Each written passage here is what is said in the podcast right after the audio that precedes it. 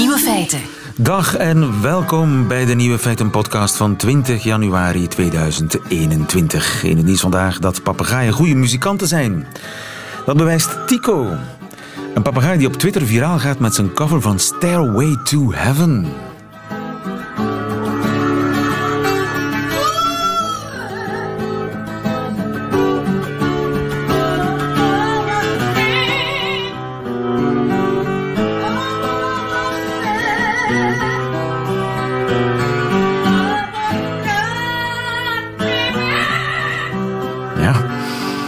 Is 17 en woont al zijn hele leven bij een eh, gezin in Florida.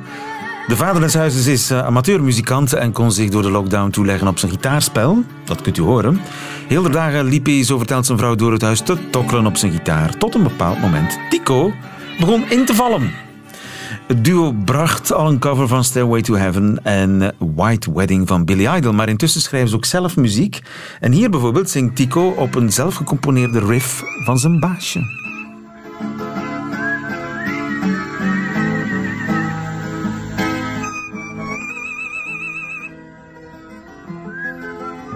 De logische volgende stap lijkt mij meedoen aan The Voice, A Star is Born. De andere nieuwe feiten vandaag. 70% van de Belgen moet tegen de zomer gevaccineerd zijn. Maar hoe zit het met de niet-Belgen? De spin van het jaar 2021 is al bekend.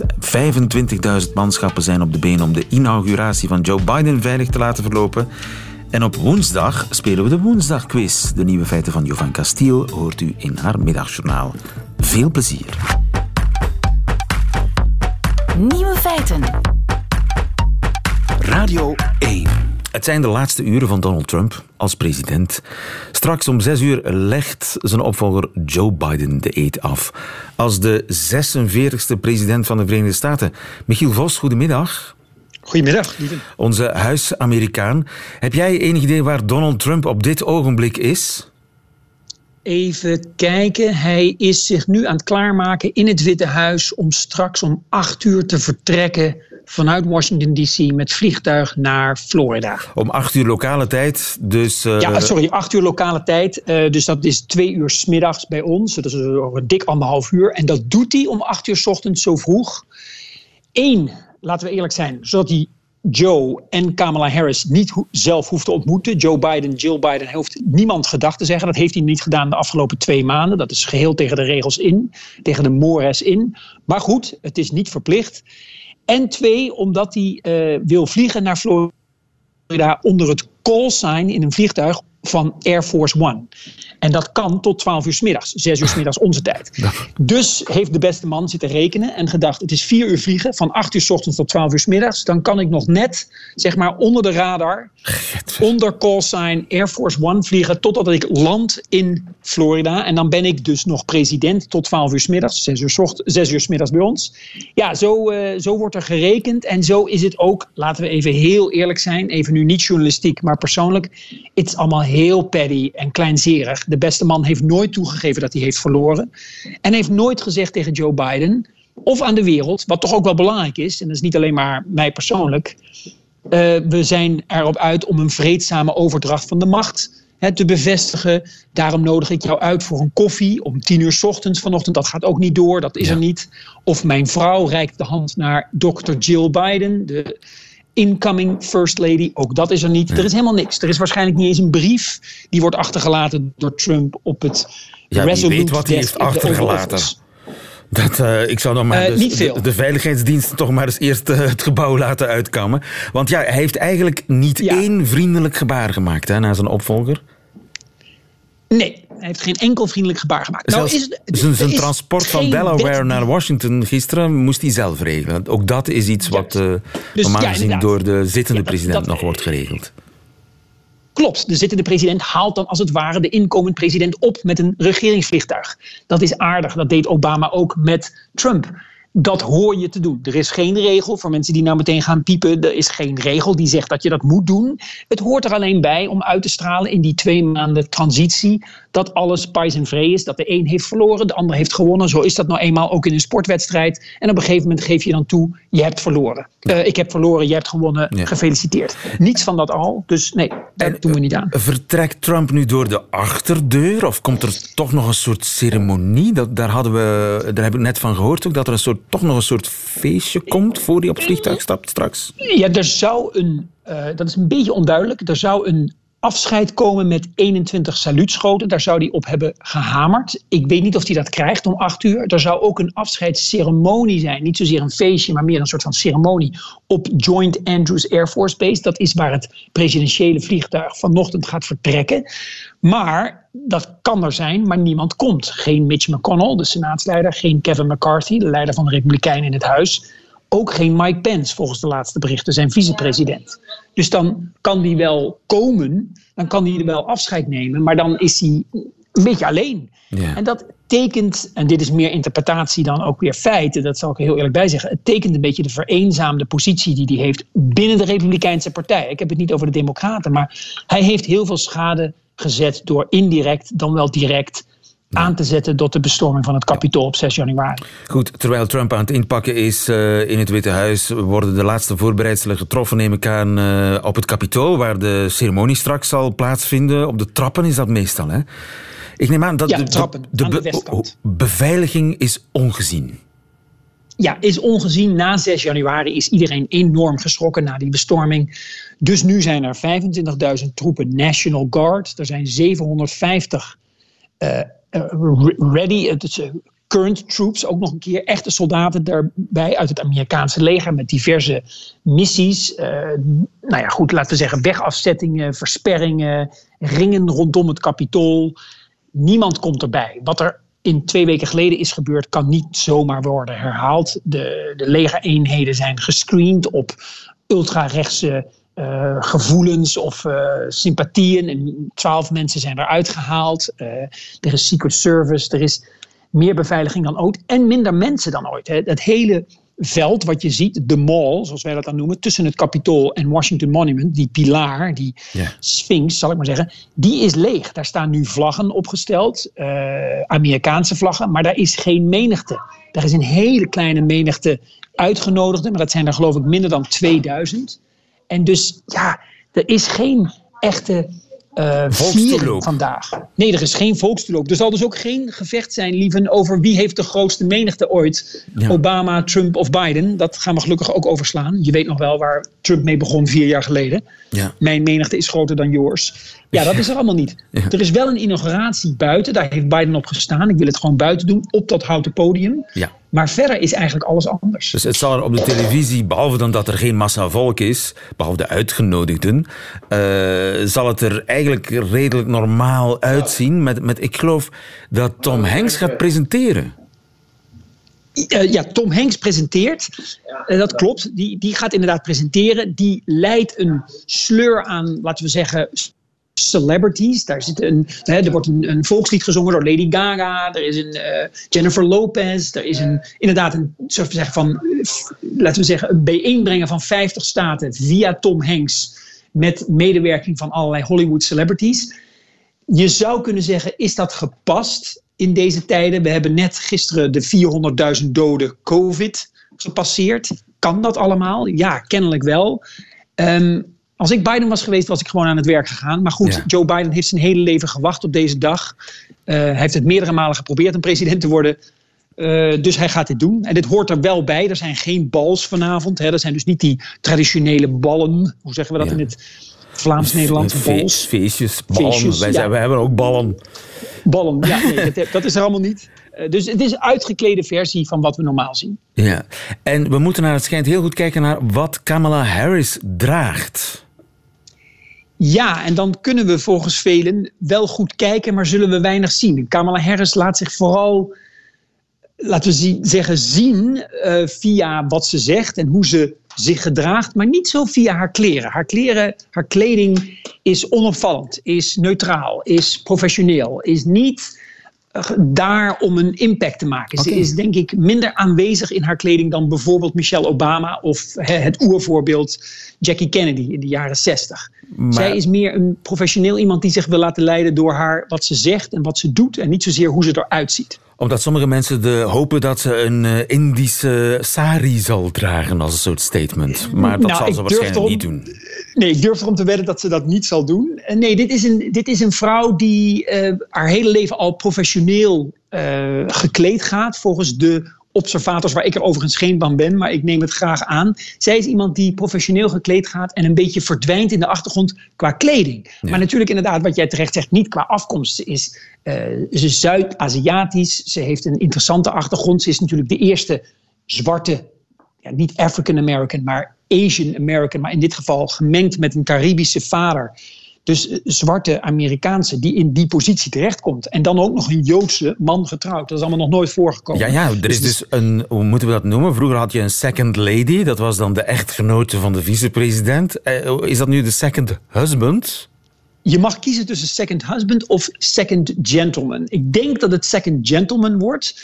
Maar als je wat intiemer bent, uh, lieven, ik geef dat graag aan jou, dan noemen we gewoon hem de second husband. Hij is de eerste Joodse man die de eerste Joodse persoon überhaupt die op dit podium vicepresident plus één of president plus één, wie dat dan ook mag zijn. Echt waar? Is dat nog een, is dat een, een, ding in Amerika? We hebben nu een Joodse second gentleman? Uh, ja, dat is een ding omdat we daar nog nooit een Joods iemand hebben gehad zo hoog. Uh, Ivanka Trump, de dochter, de first daughter zou je kunnen zeggen, was natuurlijk Joods. Tot vandaag 12 uur s middags. Uh, maar die, die had natuurlijk niet een ja, die had wel een officiële rol, maar niet op de positie die hij heeft. Dat is nog wel een ding. Hè. Er worden steeds van die uh, raciale en, en uh, ja. godsdienstige barrières gebroken in Amerika. Dit is er één. Ja. Eén van. En Douglas Emhoff, zo heet die man, heeft hij een taak? Gaan we die te zien krijgen? Heeft hij een, een functie, een opdracht? Hij is daar tot nu toe uiterst vaag over geweest. Meestal is de second lady, dus bijvoorbeeld Jill Biden in haar tijd, die dus nu first lady wordt, maar die onder Obama natuurlijk second lady was, die houdt zich bezig met goede doelen. Jill Biden bleef trouwens gewoon werken. Dat doet Doug Emhoff geloof ik niet. Die heeft uh, zijn advocatenpraktijk in deze zomer, afgelopen zomer in augustus, tijdelijk stilgezet. Dat zou ook wel eens kunnen zijn wat hij uh, aan lobbywerk doet. En dat wil hij niet laten in, in aanvaring laten komen met het werk van zijn vrouw als vicepresident. Dus ik denk dat hij zich een beetje op de achtergrond gaat houden. En dat hij wellicht zal doen wat meeste second ladies doen.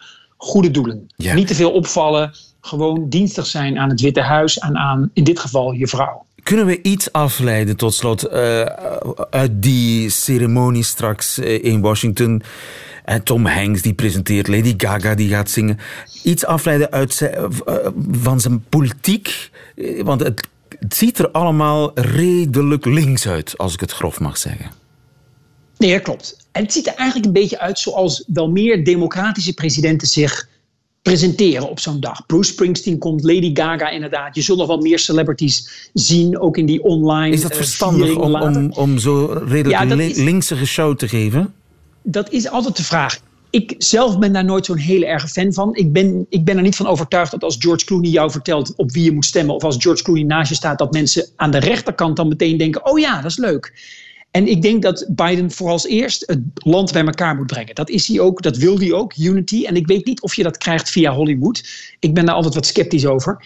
Aan de andere kant, ja, het is wel een viering. Uh, er moet ook voor links, Biden moet ook zeggen, progressief links tevreden houden. Hè. Die hebben niet gekregen wie ze willen, bijvoorbeeld een uh, Bernie Sanders, maar een gematigd senator die al zijn hele leven in de Senaat zit, als Joe Biden. Dus hij heeft iets moeten doen. En ik denk dat daar de wens van kwam, we gaan wat celebrities opvoeren, zodat we ook uh, links tevreden houden. En daarbij is het natuurlijk ja, toch een beetje, dat is het beste tussen aanhalingstekens wat Amerika heeft. Dus dat soort mensen zijn er al snel bij. Ja, het is de vraag of het werkt. Het is ook de vraag of het echt aanstootgevend is. Maar goed, het land moet wel worden bij elkaar worden gebracht. En de vraag is of, of Tom Hanks dat kan doen. Tom Hanks is wel zo'n beetje de, de meest geliefde Amerikaan waarvan we niet meteen denken wat, wat hij nou is. Niet echt, niet echt een polariserende figuur. Er is ook een officiële playlist en die is al uitgelekt. Radio 1. Nieuwe feiten. Lieven van den Houten. Tegen de zomer zou 70% van de Belgen gevaccineerd moeten zijn. Maar wat met de niet-Belgen? Marian Temmerman, goedemiddag. Goedemiddag. Je bent uh, onze expert vluchtelingenzaken, de expert vluchtelingenzaken van de nieuwsredactie, zeg maar. Uh, jij hebt het vaccinatieplan bestudeerd van de regering op zoek naar buitenlanders. Ja. En ja, heb je, heb je ze gevonden, de buitenlanders? Wel, nee. Ik heb ze niet gevonden. Um, er zijn wel wat principes uh, vastgelegd natuurlijk. Hè. Uh, alle inwoners in België, dat wil zeggen gelijk uh, welke nationaliteit je hebt, als je hier ingeschreven bent, hier officieel verblijft, woont, dan word je behandeld zoals een ieder die in België woont. Dus asielzoekers, vluchtelingen, mensen met een buitenlands paspoort, ja, bijvoorbeeld, hè, want die zijn er natuurlijk ook. Hè. De vreemdelingen, dat zijn dan de Nederlanders, de Roemenen, de Fransen, ik zeg maar wat, die hier komen werken of die de liefde gevolgd zijn. Ja, die zitten allemaal mee in het uh, vaccinatieplan. Die wordt, daar nee. wordt geen onderscheid in gemaakt. Nee, als je in België woont, ben je inwoner van België, of word je dan op dat moment als inwoner van België beschouwd en zit je mee in het vaccinatieplan. En hoe zit het met uh, asielzoekers die in uh, asielcentra verblijven? Ja, dat is een heel andere materie natuurlijk. Hè? Want je hebt uh, mensen die in gezinsvorm leven. Maar je hebt ook mensen die in, in zogenaamde collectiviteiten leven. Zo noemen ze dat dan eh, bij die taskforce, waar ze bepalen wie wanneer gevaccineerd wordt. Die collectiviteiten, ja, dat moet apart bekeken worden. Dat zijn veel mensen op kleine oppervlakte die samenwonen en die dus meer risico lopen dan, dan iemand die in een klein gezin woont. En dus misschien meer hoger op de prioriteitenlijst moet staan? Dat is de grote vraag. Wie wel, wie niet. Dat is nog niet bepaald. Voor een deel is dat wel al bepaald, maar nog niet voor de asielzoekers. Uh, dat is bepaald bijvoorbeeld voor, voor mensen die in een, een zorginstelling zitten. Uh, ik zeg maar wat, revalidatiecentra, um, um, wat heb je nog, psychiatrische klinieken. Die worden na het zorgpersoneel ook als met voorrang uh, gevaccineerd. Ja, ja, en daar zou eventueel ook asielcentra kunnen Bijkomen. Als al die zorginstellingen gevaccineerd zijn, dan eventueel. Maar dat is dus nog niet vastgelegd. Je hebt twee parallele circuits. Hè. Je hebt de, de, de, grote vaccinatiecentra die ze nu aan het uh, bouwen of, of, vormen zijn. Uh, je kent het, hè, vorige week in het nieuws is dat uitgebreid geweest. Waar gaan ze die doen? En dan gaan ze daar de 85-plussers eerst vaccineren allemaal, uh, die nog thuis wonen gewoon. dan alle 65-plussers en dan helemaal naar het einde toe komen wij aan de beurt. Um, maar je hebt parallel daarmee het circuit van de collectiviteiten. Het zorgpersoneel uh, is daarbij. Um, um, maar dus ook die revalidatiecentra, weet ik veel wat. En dan heb je de categorie niet zorginstelling, maar toch collectiviteit. Gevangenissen. Uh, en dat zijn, ja, precies. Gevangenissen moeten we die, ja, die zullen ooit ook wel natuurlijk in aanmerking komen voor een vaccin. Maar wanneer in welke volgorde moet dat ja. gebeuren, dat ligt eigenlijk nog niet vast. En dat ligt ook politiek, neem ik aan, gevoelig. Hè? Want ja, dat een asielzoeker, of laat staan een gevangene, voorrang zou krijgen op een oppassende Belg, dat kan kwaad bloed zetten. En dat kan koren op de molen zijn van bepaalde politieke partijen.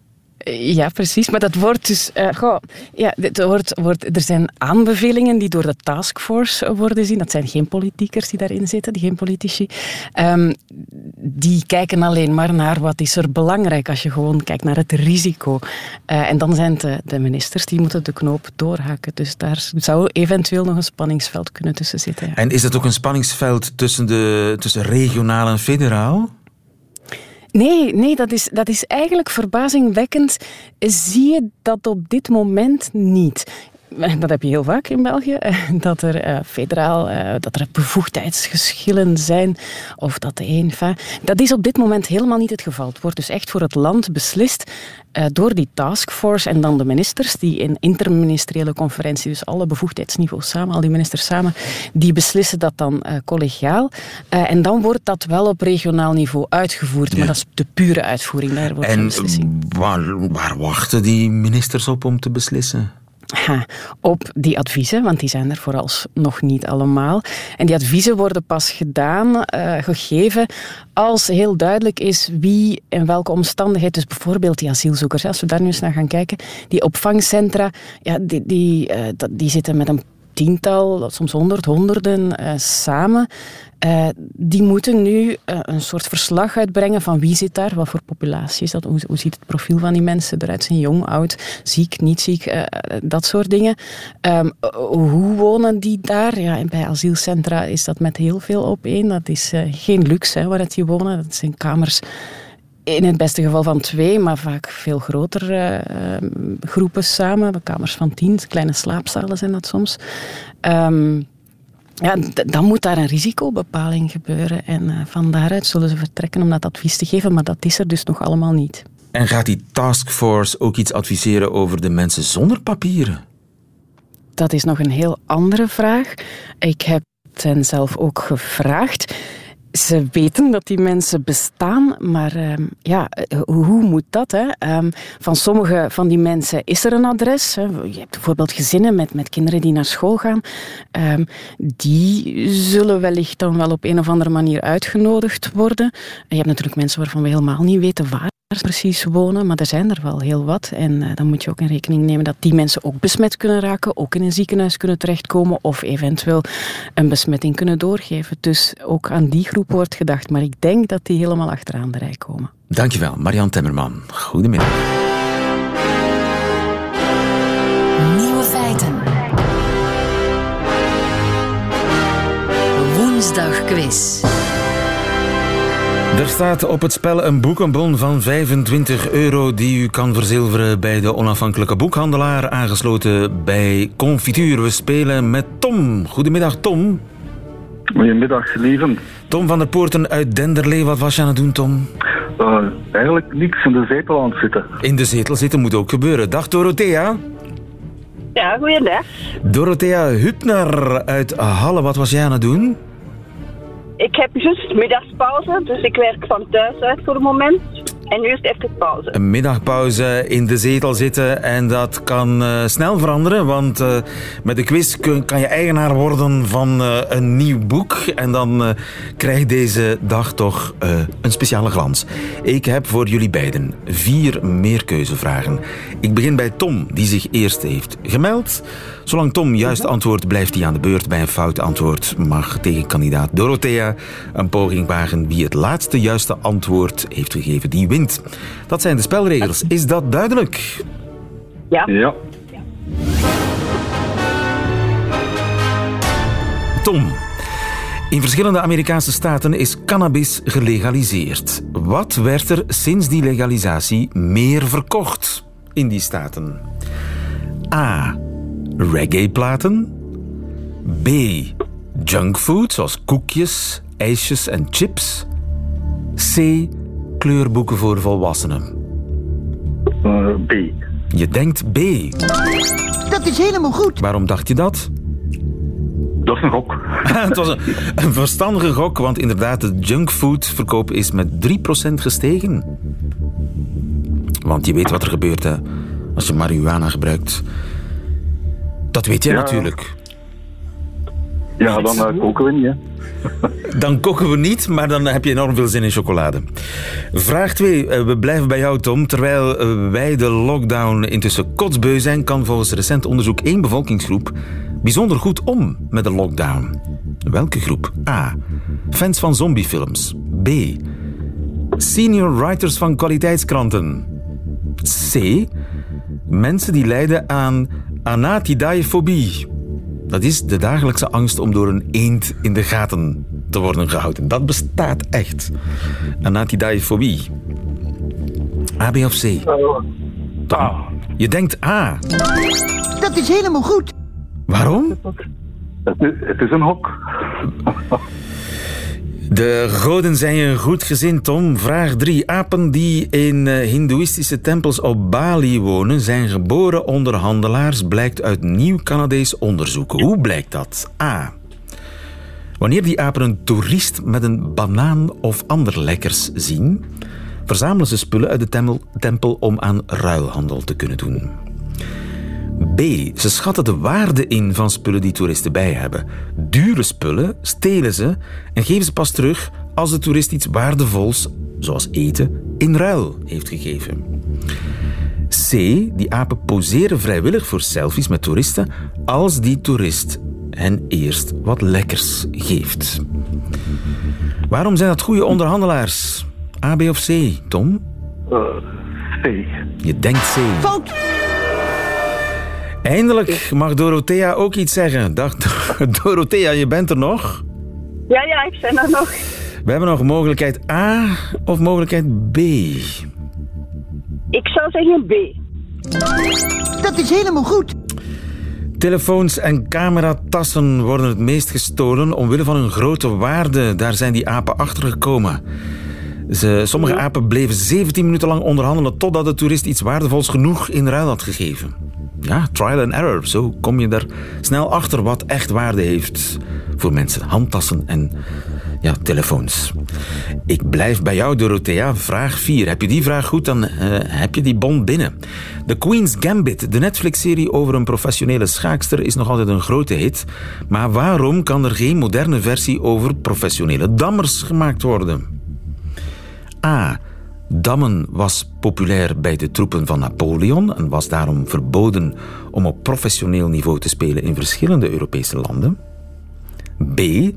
De schaaklobby heeft decennia lang het spel dammen gesaboteerd omdat ze het inferieur vonden aan schaken. C. Dammen is uitgespeeld. Een professionele damspeler kan op ieder moment de uitkomst van een spel voorspellen, waardoor professionele wedstrijden onmogelijk zijn geworden. Dat, dat gaat een gok zijn. Ik denk B. Je denkt B, Fout. Ja. het wordt heel erg spannend, want ik ga terug naar Tom. A of C? C. Je denkt C. Dat is helemaal goed. En het is gebeurd.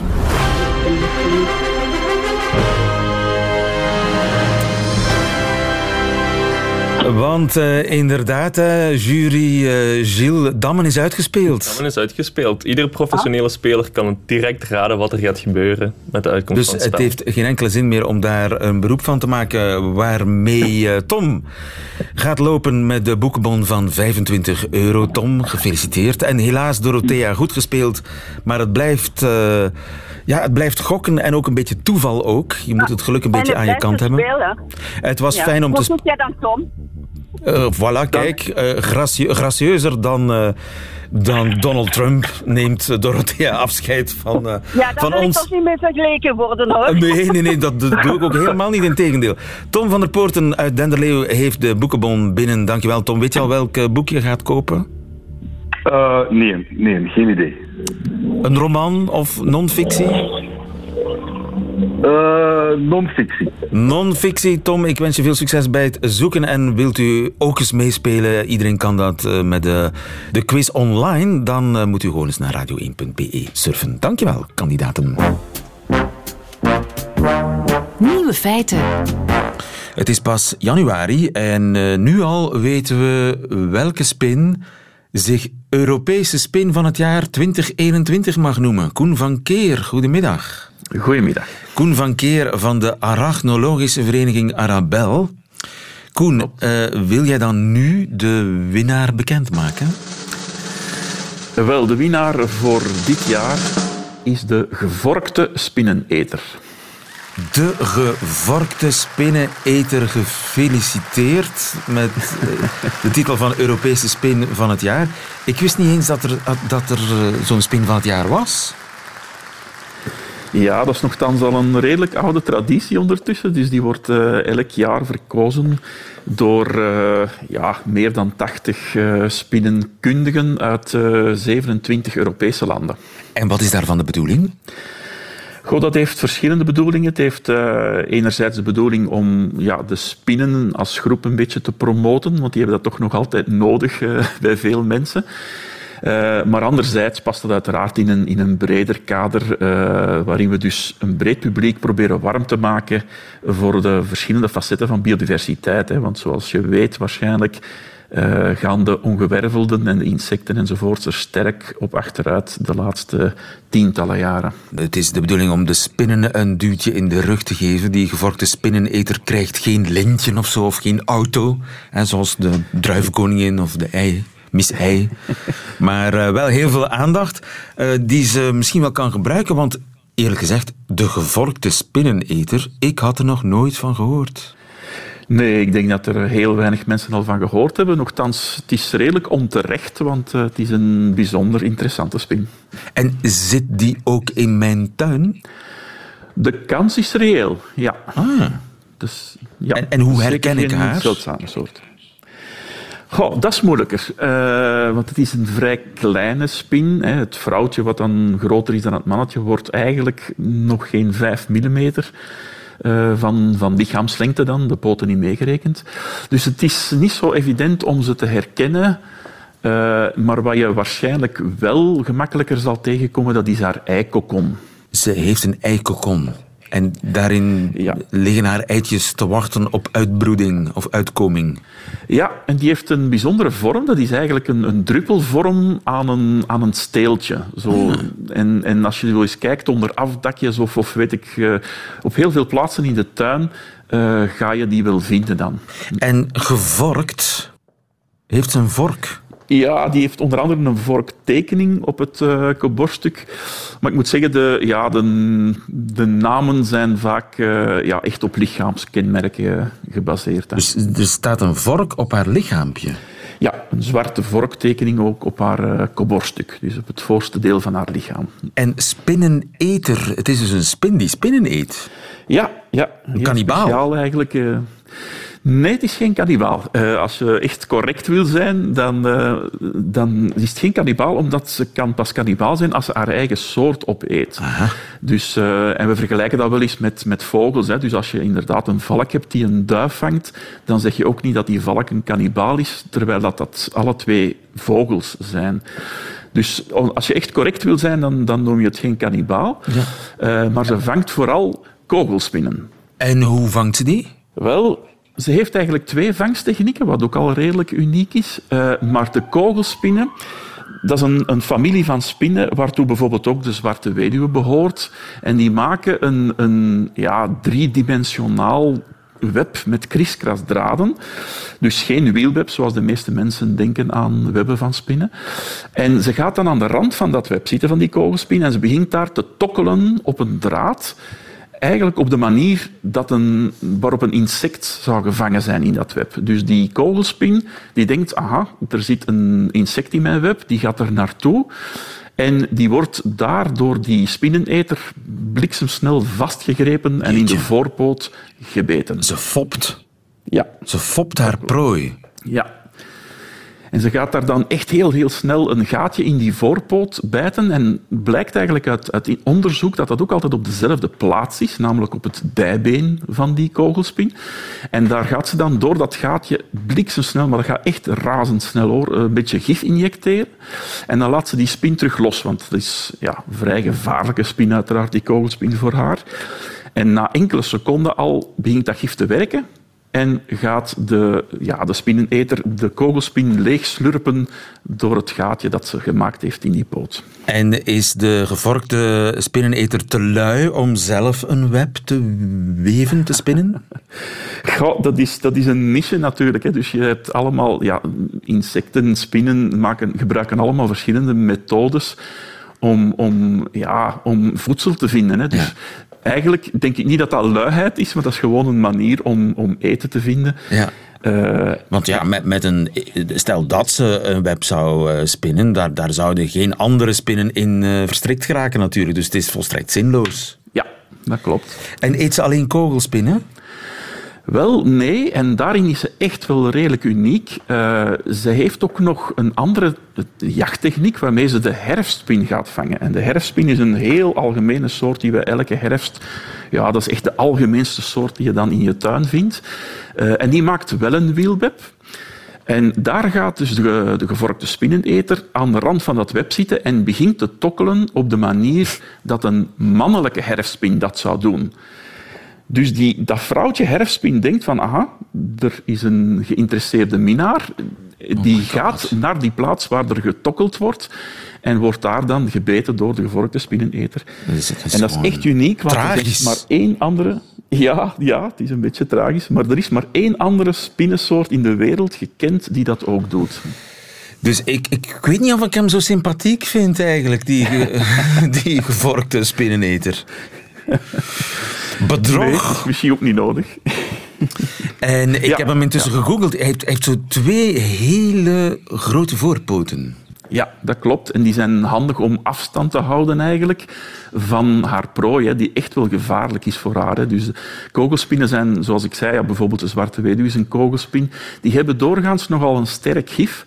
Ze zijn heel efficiënte vangers ook in hun web. Dus die, die, ja, dat is echt een riskante onderneming hoor, voor die spinneneter. En daarom eh, spin van het jaar. Ik ga eens op zoek in mijn eh, piepkleine tuintje. Misschien vind ik hem wel. Dankjewel. Van eh Arabel. Ar- ja, Arabel, hè? Zo heet jouw arachnologische vereniging. Koen van Keer. Goedemiddag. Graag gedaan. Radio 1. Nieuwe feiten.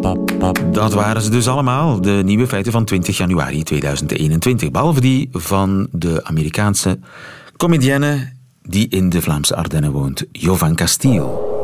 Nieuwe feiten. Middagjournaal. Goedemiddag. In de tien maanden van lockdown heb ik meer tijd dan ooit doorgebracht met mijn echtgenoot. Door zoveel tijd samen door te brengen, dag na dag na dag, kan ik nu een heel gedetailleerde lijst maken van alle dingen die hij doet die me irriteren. Eervolle vermeldingen gaan naar het feit dat hij nooit de dop of deksel van alles terug erop doet, hoe emotioneel hij wordt als hij verliest met Monopoly en hoe hij tegen zichzelf praat als hij onder de douche staat. Maar na al mijn research van de laatste maanden gaat de prijs voor het meest irritante ding dat mijn man doet naar wat hij met zijn vuile sokken doet. Het aantal vuile sokken dat ik in ons huis vind is niet normaal. Na tien maanden corona merk ik dat er overal sokken van mijn echtgenoot te vinden zijn. Hoeveel sokken heeft die man? En hoeveel keer per dag moet hij nieuwe sokken aandoen? En wat is er zo dringend dat je je sokken plots uit moet doen in de garage of op de trap? En wat is er in de keuken gebeurd dat je plots daar je vuile sokken uit moet doen en ze niet op de vloer, maar wel op het aanrecht gooit? Ik wilde graag eens testen wat er zou gebeuren als ik die sokken niet pakte en naar de wasmand bracht. Het leek er snel op dat als ik die sokken niet opruimde, dat de stapels van sokken zouden groeien, totdat het moeilijk zou worden om de meubelen te zien, er minder licht door de vensters zou komen en ik niet zou durven om de keuken te gebruiken, want het zou gevaarlijk zijn om iets op het vuur te zetten zo dicht bij de metershoge stapels van brandbaar katoen. Dus in de naam van het algemeen fatsoen besliste ik om het experiment niet te doen. Er was een tijd dat ik me afvroeg hoe bedrijven die sokken maken ooit winst konden maken, want ik dacht dat iedereen ter wereld maar een eindig aantal sokken nodig had. Blijkbaar niet. Ik moet gewoon aannemen dat dit een van de dingen in het universum is die ik nooit zal begrijpen. Tot morgen.